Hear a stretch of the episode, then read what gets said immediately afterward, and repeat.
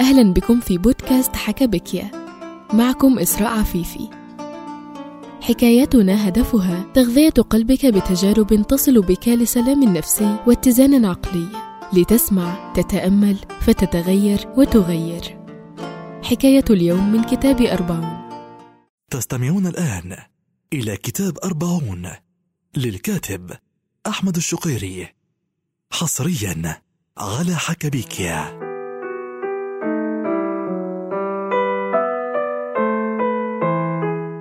قيد النعمة بشكرها.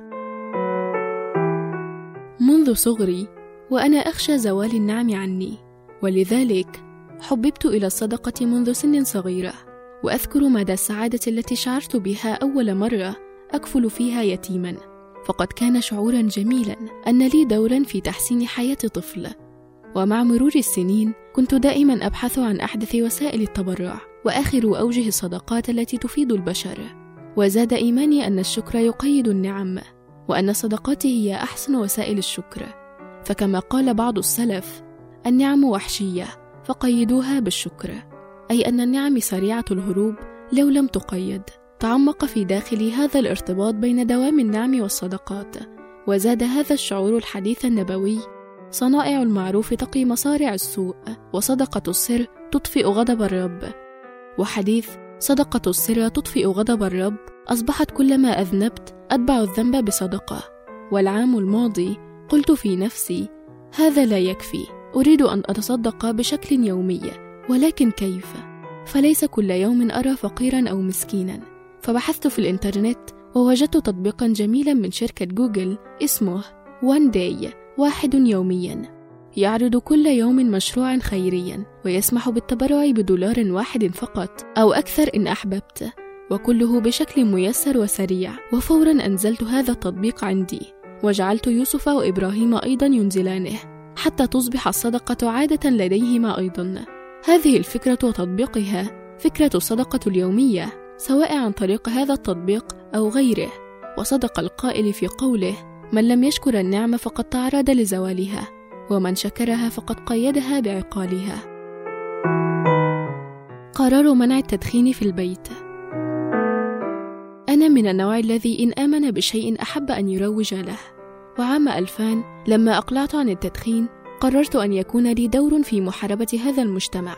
فقررت أن أمنع التدخين في البيت وفي الديوانية. فوجدت معارضة تقريبا من الكل. من رولا زوجتي.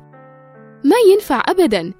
عيب يجينا ضيوف نقول لهم إن التدخين ممنوع ونخليهم يدخنوا برا ما يصير كده ومن أختي وأمي كيف هذا؟ فلو جاء أبوك البيت عندك ستقول له لا تدخن؟ ومن أصدقائي كيف تمنع التدخين في الديوانية؟ وكيف نلعب الورقة دون تدخين؟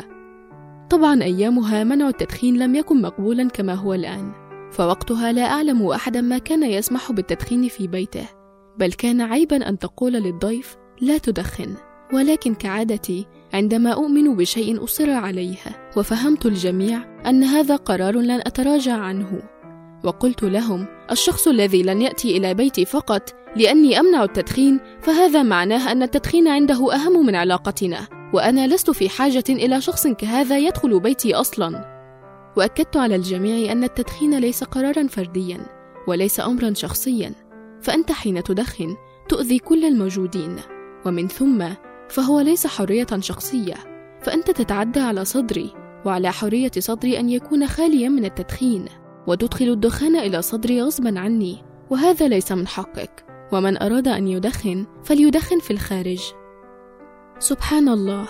أبي مع أنه مدخن هو الوحيد الذي احترم قراري ولم يظهر معارضة وهو موقف أحترمه جدا فيه.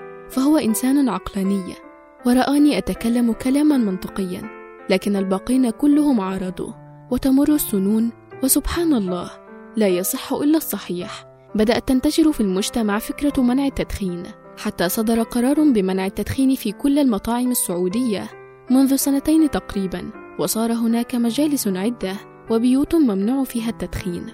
فالتغيير صعب ولكن ممكن ويحتاج إلى من يؤمن به. ويصر على موقفه في وجه اعتراض المعترضين ولو كانوا من المقربين. الشنب. أذكر لما كنت في الصف الثالث المتوسط كان عمري تقريبا 13 سنة حيث كانت بداية الشعور برجولة وإرادة إثبات أن الواحد صار كبيرا ولم يعد طفلا. ومن ضمن معايير الرجولة طبعا الشنب. وأذكر أنه كان هناك أكثر من ولد في الفصل طالع لهم شنب كثيف وأنا ما كان عندي شنب وقتها أبدا فكنا نذهب إلى كل من لديه شنب نسأله ما السر في طلوع الشنب؟ وهل فعلوا شيئا معين ساعدهم في طلوع الشنب؟ وأذكر أن أحدهم نصحنا بأن نحلق منطقة الشنب حتى لو كان فيها وبر قليل حتى يخشن الوبر ويصبح شنبا وأذكر وقتها أنه كان حلم حياتي أن يطلع لي شنب وأنا طبعي من الصغر حين أريد شيئا أسعى له جاهدا بكل الوسائل لتحقيقه. فاشتريت أمواسا وحلقت مثل ما اقترح علينا صاحبي لكني فعلت شيئا آخر غريبا وهو أني في كل صلاة أظل خمس دقائق في السجود أدعو اللهم اطلع لي شنبا وما زلت أذكر صيغة الدعاء لأني كررته آلاف المرات شهورا عدة في هذه المدة. وطبعا ما طلع لي شنب وقتها. وانتظرت أظن ثلاثة سنوات وبعدها حين أصبح عمري 17 سنة بدأت تطلع لي بوادر شنب ولكن أذكر وقتها أني استغربت. فلماذا لم يستجب ربي لدعائي؟ مع أني كنت أدعو من أعماق قلبي مخلصا ملحا في الدعاء. والله قادر على كل شيء. طبعا وقتها كان فهمي للأمور بهذه البساطة فالمفروض لما أدعو يستجاب لي. وكلنا يمكن أن نمر بمراحل في حياتنا نتطلب أشياء ربما ليست بتفاهة الشنب ولكن وبعد كثير من الدعاء لا يتحقق ما نريد. أدناه خلاصة فهمي حول موضوع الدعاء. ربنا يستجيب الدعاء صحيح؟ نقول نعم صحيح. فيجي واحد يقول أنا أدعو منذ سنين دعوة معينة لم تستجب إلى الآن. فكيف تقول ربنا يستجيب الدعاء؟ فيجي واحد يسأل أنا منذ سنة أدعو الله أن يرزقني مليون ريال وإلى اليوم ما جاءت المليون ريال فكيف هذا؟ إجابة هذا السؤال في معنى كلمة وأجيب. فما معنى أجيب دعوة الداعي إذا دعان؟ إجابة الدعاء ليست معناها أنه أعطاك تحديدا بالضبط الذي سألته أنت لكنه استجاب لدعائك بأنه أعطاك خيرا أو دفع عنك شرا يساوي دعائك أو يزيد عليه. فالذي دعا الله أن يرزقه مليون ريال استجاب الله لدعائه بأن صرف عنه مرض السرطان الذي كان سيأتي له لو أنه ما دعا هذا الدعاء مثلا. وصرف مرض السرطان يساوي أكثر من مليون ريال. فأي واحد اليوم عنده سرطان لو تقول له تدفع مليون ريال وتشفى من مرض السرطان سيدفع أكثر من مليون ريال إن كان معه. فيمكن أن يكون بسبب هذه الدعوة. حمى الله والدك من حادثة كان يمكن أن تحدث له وتجعله مقعدا طول حياته. ويمكن بسبب هذه الدعوة يكون الله أكرمك وطول في عمر أبيك وأمك بحيث يعيشان معك مدة أطول من العمر. وهكذا آلاف الأمور تيسر لك وآلاف الشرور تصرف عنك تساوي ملايين الريالات حصلت بسبب هذه الدعوة دون علمك. وبهذا يكون ربنا استجاب دعوتك حتى لو أنك غير مستوعب أنه استجاب الدعوة. واحد يقول يا أخي أنا ما أبغي كل الأشياء هذه أنا أبغى المليون ريال. فما عندي مشكلة أمرض ولا أريد أولاد أبغى مليون ريال.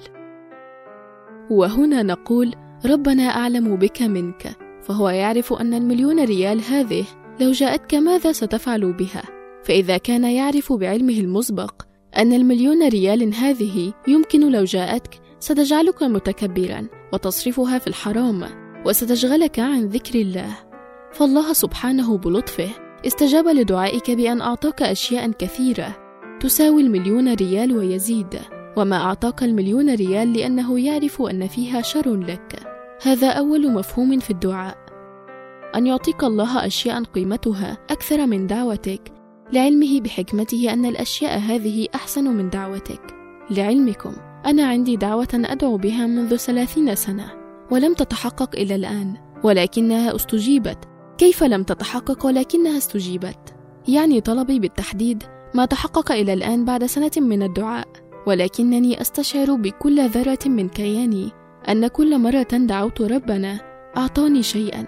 يعني أنا خلال الثلاثون سنة يمكن أن أكون دعوت هذه الدعوة مئات الآلاف من المرات في السجود والركوع وفي الحرم المكي والحرم المدني وفي رمضان وفي وقت السحر وعلى الرغم من أن طلبي بالتحديد ما تحقق ولكن عندي إيمان عميق جدا أنه في كل مرة من مئات آلاف المرات التي دعوت فيها ربنا سبحانه إما أعطاني خيرا أو صرف عني شرا.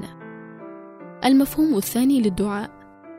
أن ربنا يعطيك المليون ريال ولكن ليس الآن. يعطيه لك بعد سنة مثلا. لماذا؟ لأنه يعلم بحكمته أن المليون ريال لو جاءتك وعمرك عشرون سنة ستكون شرا لك.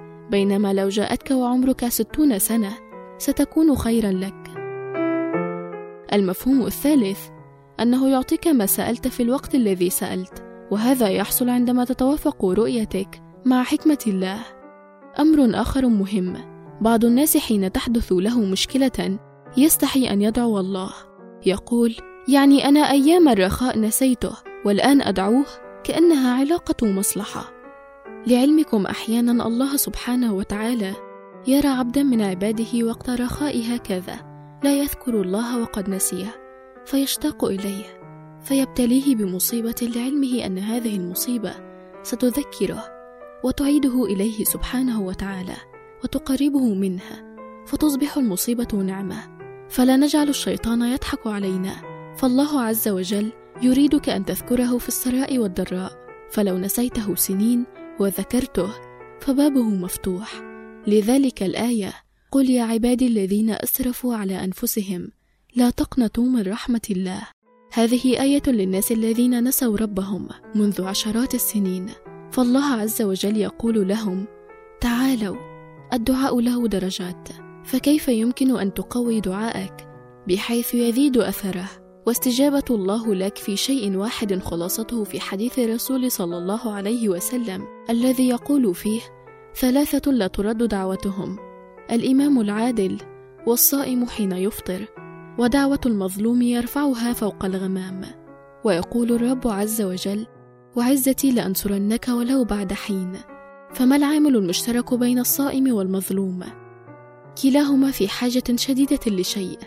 فالصائم يريد أكلا والمظلوم يريد رفع الظلم عنها فالقاعدة كلما زادت حاجتك وكلما كانت دعوتك بكل كيانك وقلبك وفكرك وجوارحك كانت الدعوة أعمق. لذلك أقول ليس المهم في الدعاء ما نختاره من الحروف. ولكن المهم ما ينتابك من الشعور. وخلاصة الأمر القول لا يكن تأخر أمد العطاء مع الإلحاح في الدعاء. موجبا ليأسك. فهو ضمن لك الإجابة فيما يختار لك لا فيما تختار لنفسك. وفي الوقت الذي يريد. لا في الوقت الذي تريد. وفي النهاية نصيحة لا تغلط نفس غلطتي. واستغل دعاءك في أمور أهم من أن يطلع لك شنب. شكرا لاستماعك ونلقاك في حلقة قادمة بإذن الله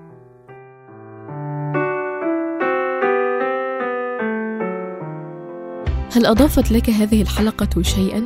هل فكرت بتفكير مشابه لهذا أو قمت بفعل ملهم؟ نرحب بمشاركة تجربتك معنا أتمنى لك سلام نفسي وفكري على الدوام سلام